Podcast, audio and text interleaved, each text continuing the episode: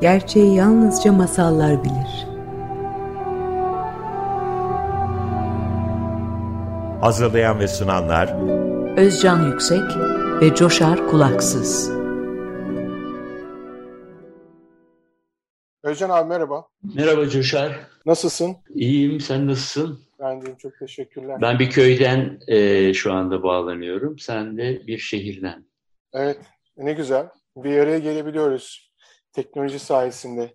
Özcan abi, şimdi e, bu hafta, e, geçen hafta so, büyük soru işaretimiz neden yaşıyoruz sorusuna devam edeceğiz ve bu işin kapsamını genişleteceğimizden bahsetmiştik. E, masallar ve felsefe olayına gireceğiz. Şimdi ama e, izin verirsen ilk başta hem dinleyicilerden gelen bir iki soru var. Biraz daha fazla anlatmamızı istedikleri, anlayamadıkları ya da e, ne bileyim biraz daha üzerinde konuşmamızı istedikleri, talep ettikleri. E, geçen programdan kalan bu neden yaşıyoruz ve geçen haftaki e, balıkçı ve ifrit zaten neden yaşıyoruz sorusunu sordurtan masalla alakalı kaldığımız yerden biraz devam edelim. Zaten masallar ve felsefe konusu bununla iç içe geçtiği için oradan devam ederiz. İzninle böyle devam edelim. Evet, bir masalı biraz anımsatmak da evet, yerinde olur.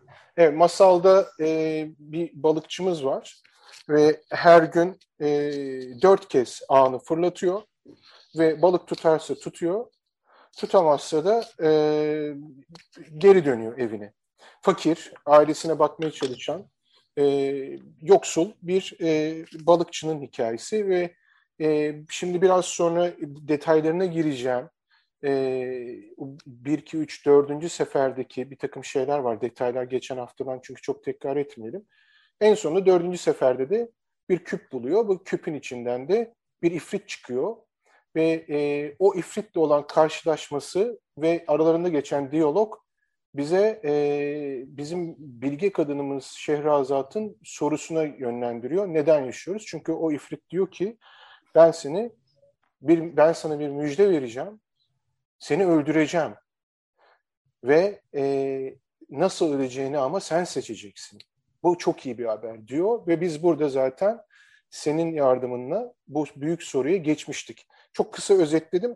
Merak edenler evet. önceki programı dinleyerek podcast'ten veya okuyarak kitaptan şey yapabilirler. Şimdi bir kere abi bu e, bu matris meselesini e, dinleyiciler tam anlayamamış. E, bunu bu matris dediğimiz şey yani dört rakamı neden dört olduğunu seninle konuşmuştuk. Ben kısaca evet. ben ne anladığımı söyleyeyim. Sen beni tamamla evet. da düzelt lütfen. E, matris bir devre tamamlamak. Yani elektronikte düşünürsek daha modern şeyde bir devre oluşturan bir şey. Matematikte de e, dikdörtgen sayılar tablosu. Aslında bir tren garında gördüğümüz işte kalkış, varış zamanlarını gösteren şey de bir matris. E, o da bir dört, dikdörtgendir, bir şey bütünü tamamlar. E, toplanabilir, çarpılabilir, bölünebilir, eksiltilebilir. Soyut, çok önemli. Soyut miktarlar toplamı.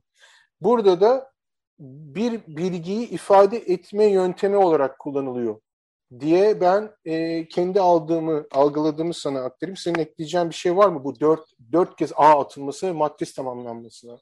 Ee, bir şiir vardı aslında. Şimdi onu anımsadım. Onu e, ağına atarken söylediği bir şiir vardı. Birinci onu sefer. bulabilir mi?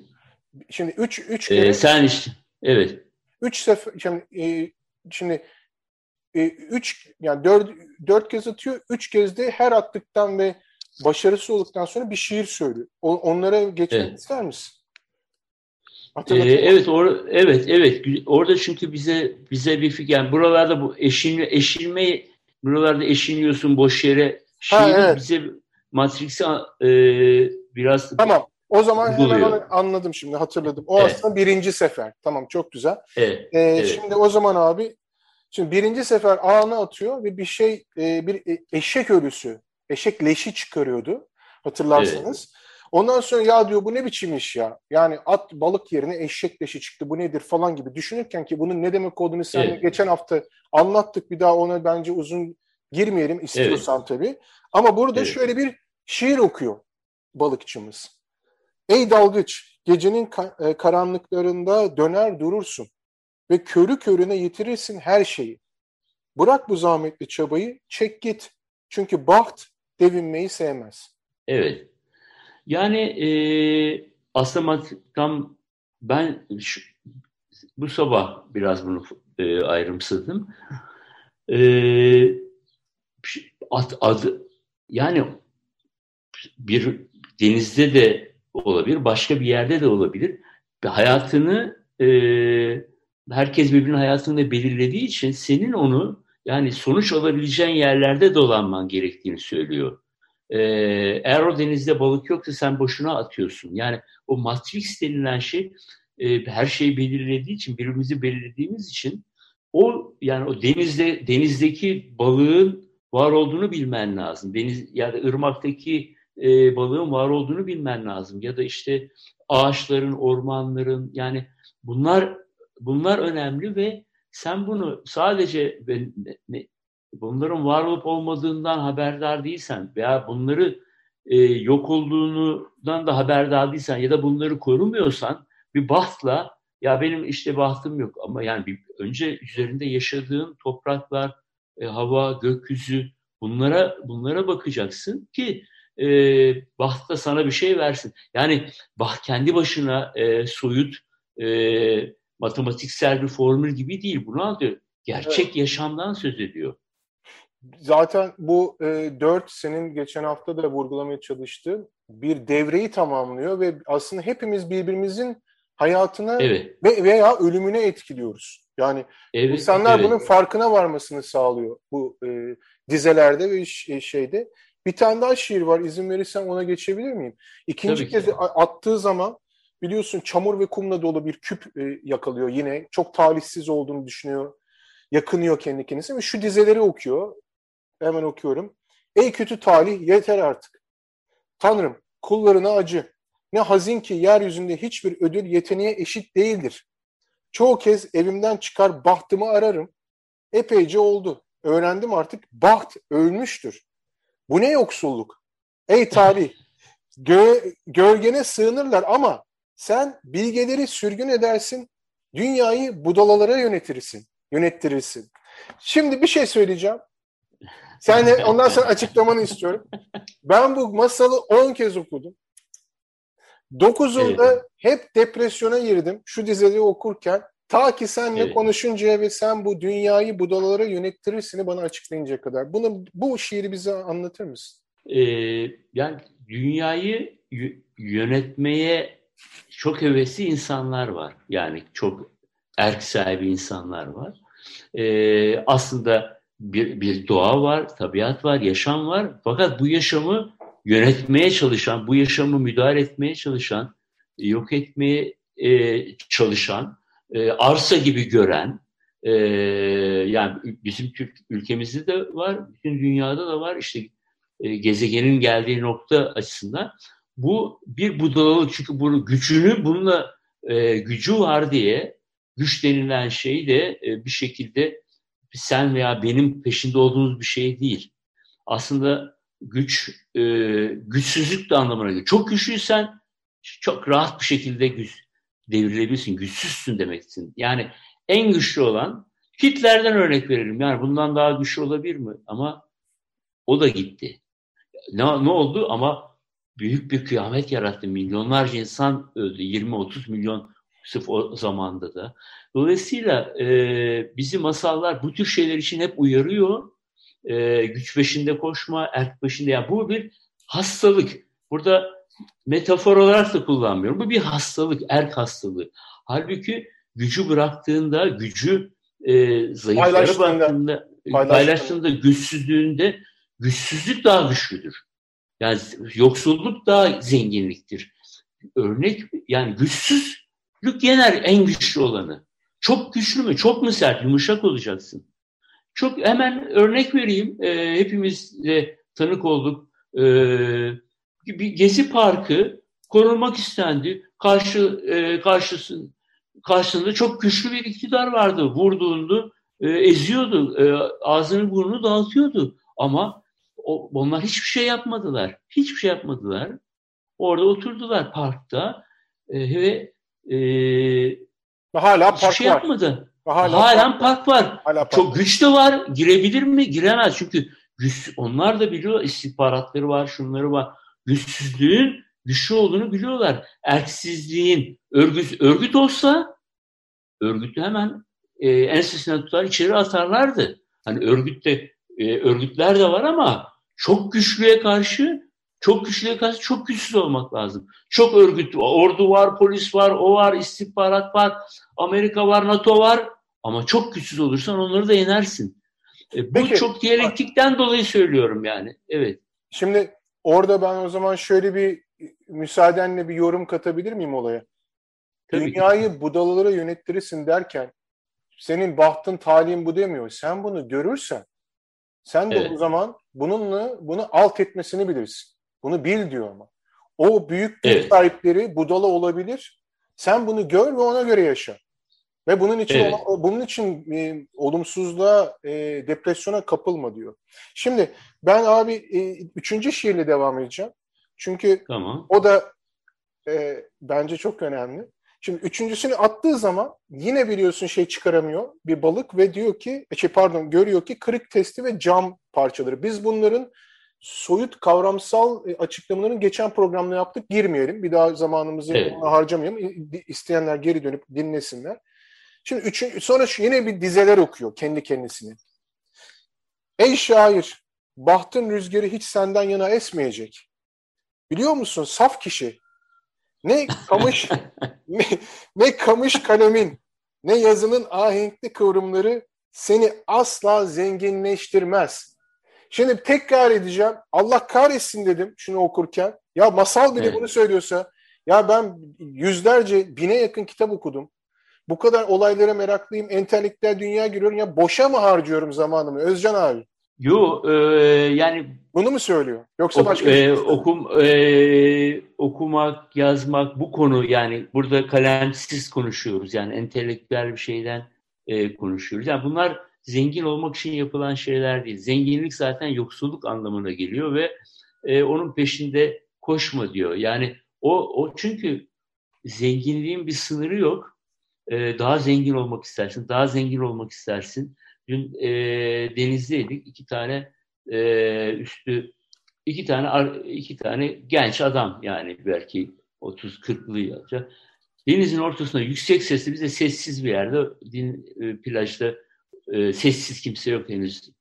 Şey yap, yani o adamların işte borsada şu oldu, bu oldu, bunu konuşması ve bu gürültünün bize gelmesi ya dedim ya biz buraya geldik sakince bir e, dalgaları e, ve denizi görelim diye.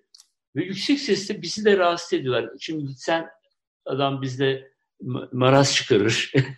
e, ifritin tekidir diye demedim ama işte bu yani e, aç gözlülük. Yani orada da bunu konuşma ya. Orada da konuşma.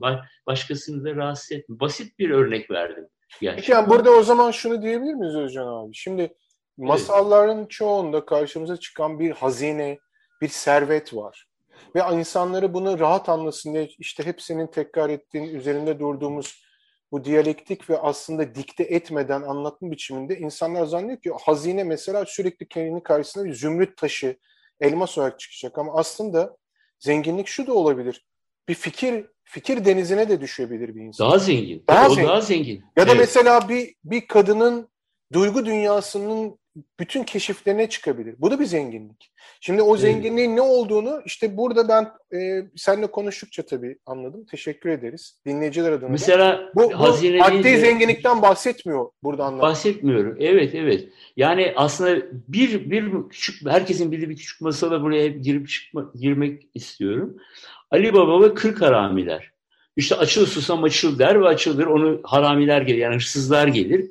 Aslında e, diyalektik düşündüğün zaman aslında e, hazine senin içinde. Onu demek istiyor. Onu aç. Yani açıl susam açıl. Susam e, susam bitkisi böyle ilginç bir şeydir. Bir arkadaşım bana göstermişti e, Buğday Derneği'nden güneşi.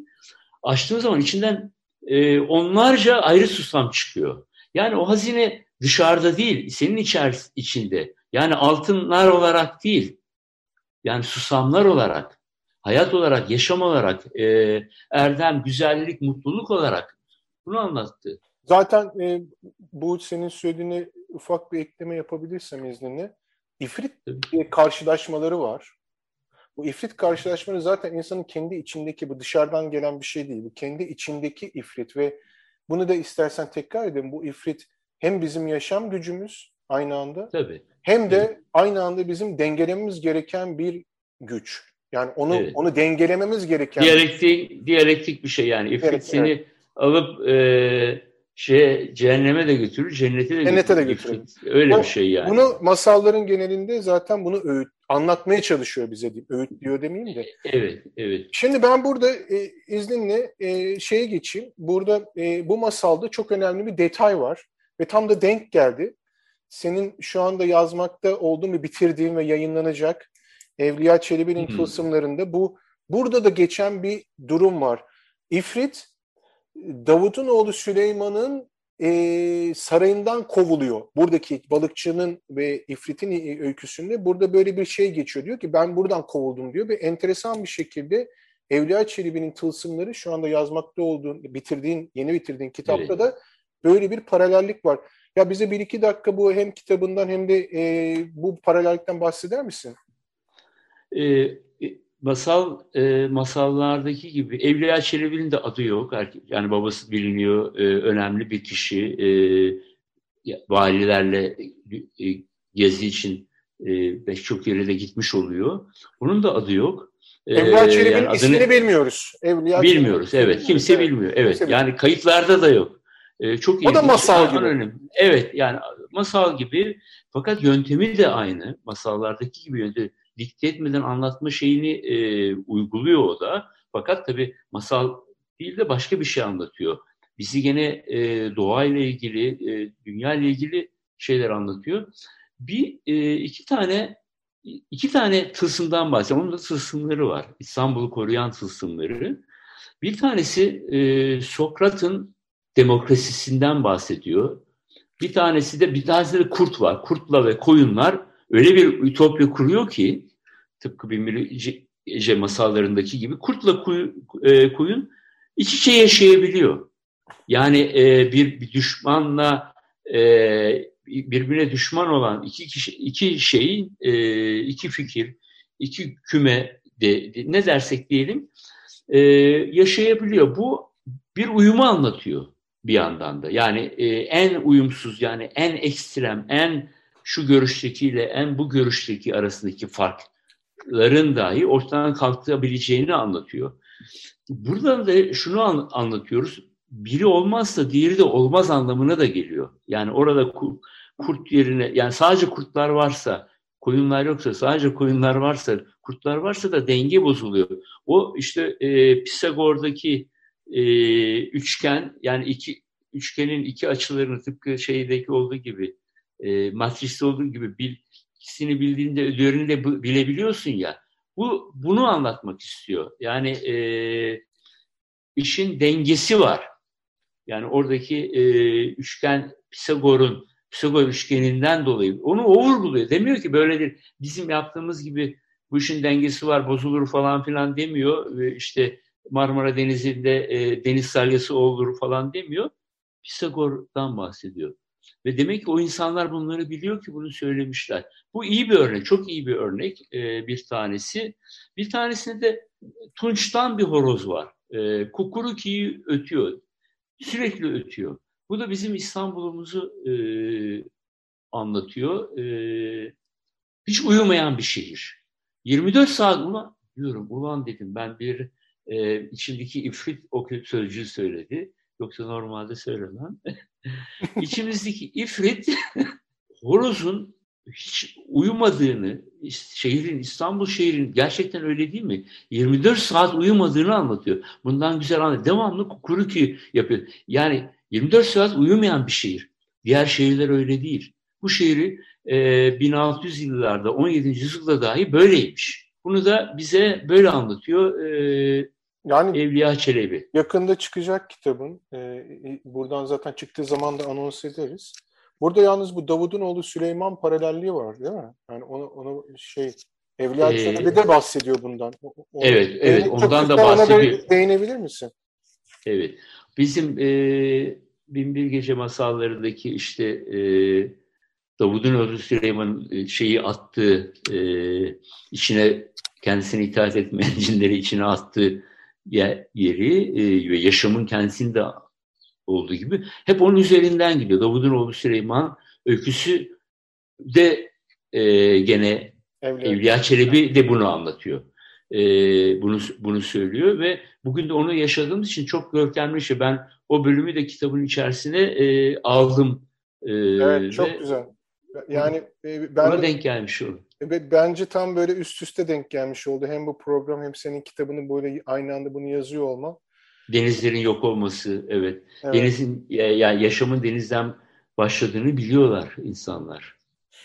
Biz zaten önümüzdeki günlerde yine bunu tekrar eder, bir takım detaylarına gireriz. Anons ederiz basıldığı zaman. Tebrik ederim bu arada. Hayırlı olsun abi. Artık programımıza daha, daha çok konsantre olma imkanı yarattık sana. Bir kitabın bir. Evet, evet, evet. Şimdi abi ben e, izninle şöyle devam edeceğim. Son son beş dakika falan. E, şimdi neden yaşıyoruz sorusunda insanlar yani bana birkaç kişi mesaj atmış. Bu bizim Instagram e, sayfamız var binbir.ist oradan direkt mesaj atanlar oluyor. Ya ben diyor neden yaşadığımı anlamadım. Şimdi şimdi binbir gece masallarında da sen şunun için yaşıyorsun diye böyle dikte edici bir şey yok yani. Bu biz bunu zaman zaman tekrar ediyoruz. Ben e, müsaade edersen şöyle bir yorum yapayım ve sen senin son tabii ki tabii ki. Alayım. Ya bizim için önemli olan bu soruyu sormak kendimize ilk başta.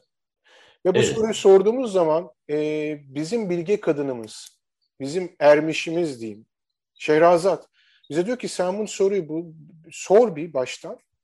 Ve sonra evet. diyor ki öleceğini Soruyu de... sor ki yanıt, yanıtı yanı, da bil. Yani, doğru, yani soru, sorun bile yok. Soru bile Yani bir de yanlış yanlış soruyu sorarsan daha evet. kötü. Yani ben evet. ölmemeliyim miyim acaba diye bir soru sormaması lazım kesin. Yanlış soruya doğru cevap bulamayız. Yani ben ölmemeliyim.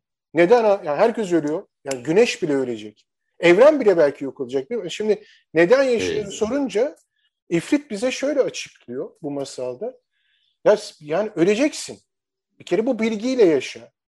Ve en güzel merak da nasıl öleceğini merak et. Merak et çünkü o zaman ona göre vaktini doğru dürüst değerlendir. Anlamlı bir hayata adım at. Kendi zamanını dolu dolu geçir. Kendin için e, neyse o önemli olan tutkuyla yaptığın, he, hevesle yaptığın mutluluğa götürecek şeyleri e, yaşamak için yani öleceğini bilerek yaşamaya başla. Gibi bir sonuç Ölmeyecek var. şeyleri, ölmeyecek şeyleri ara ve onları e, evet. onlarla senin yaşamını çoğalt. Yani şu bizim yaptığımız gibi ya da kitap, roman okumak, ölmeyecek şeyler Sevgi, sevgi, aşk. Evet. Mesela aşk evet. bence ölümsüz bir şey iki insan arasında. Evet. Ve öyle durumlar yaratabilir ki aslında yüzyıllar, bin, bin yıllar geçse de iki kişi arasındaki aşkı hala insanlar konuşuyor olabilir. Büyük Aşkla ölüm. zaten ölümü yenebiliyorsun. Şehrazat'ın öyküsünde. Evet. Yani o yüzden ee, ısrarla aşk masalları öyküde. anlatılıyor. Şey, şeyde, evet. Binbir Gece'de biraz da buradan tabii şeye sıçramış oluyoruz. Masallar ve felsefe başlığına. Ve masallar ve evet. felsefe başlığında e, bu hafta bence çok derinlemesine giremeyeceğiz. Gelecek hafta devam edeceğiz.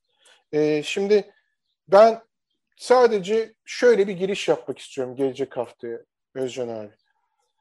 Bizim e, insanlık olarak büyük bir sorunumuz olduğunu senle konuşa konuşa tespit ettik. Sen belki tespit etmiştin, benim de bunun farkına varmama yardımcı oldun.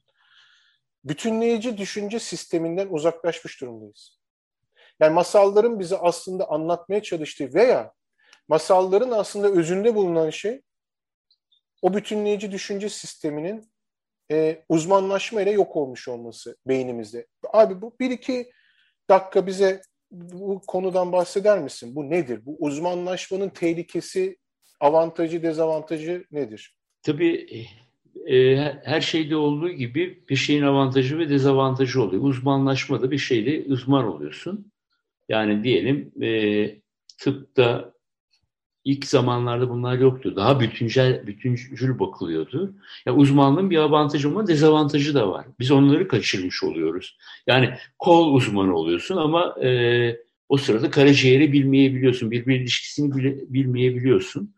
Ve bu uzmanlık da insanlarda e, bilmediğini, neyi bilmediğini de bilme, bil, bilemediğin için bir e, her şeyi bildiğini zannetme ve bunun getirdiği bir yanılgı. Bu bir kendi içindeki ifritin güçlenmesi anlamı. Yani bir bankanın bilmem ne şeyidir e, ve kendisini çok önemli bir bilgiye ve şeye sahip olduğunu biliyordur ama aslında e, bir arı ile ilgili bir arının e, ya da bir çiçeğin, bir kuşun bunları bilmediğinde bunlar sadece e, güzellik olsun diye değil bunları bilmediğinde yaptığın şey ya da yapmadığın bir şey bunların yaşamını da yok edeceği. Senin yaşamını, senin çocuğunun yaşamını, annenin, babanın, e, köpeğinin, kuşunun yaşamını da etkileyeceğini bilmiyorsun.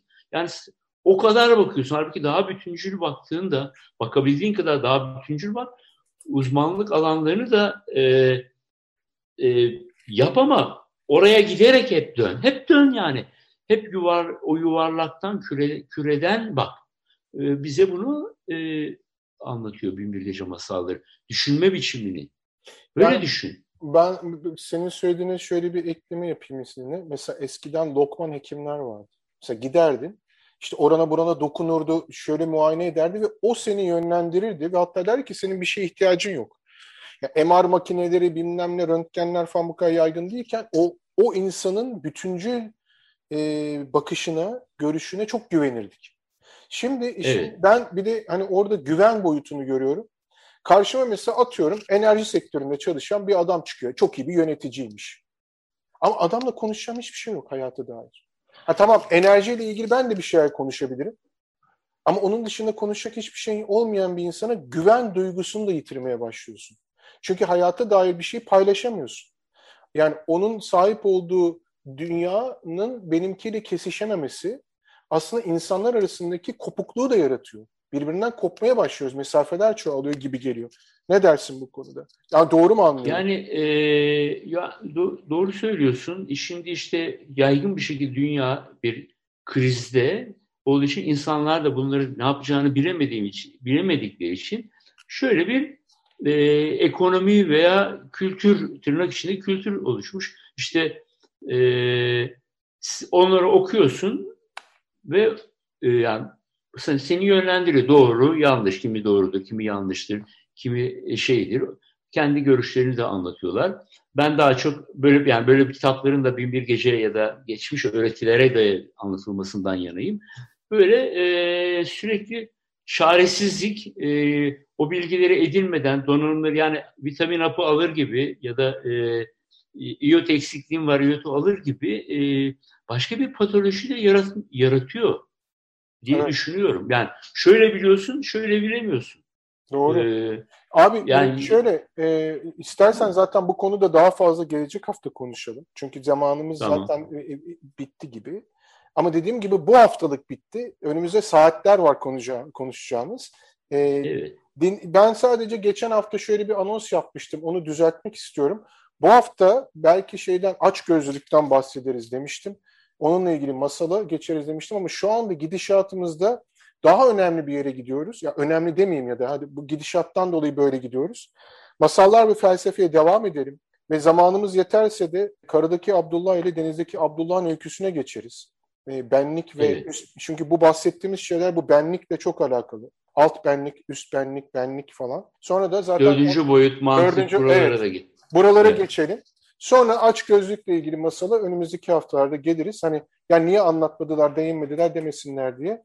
E, müsaadenle bu haftaki e, programı da kapatmak durumundayız Özcan abi. E, gelecek hafta buluşmak üzere. Hoşçakalın. Hoşçakalın.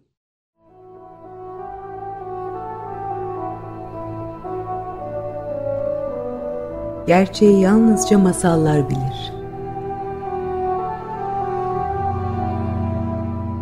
Hazırlayan ve sunanlar Özcan Yüksek ve Coşar Kulaksız.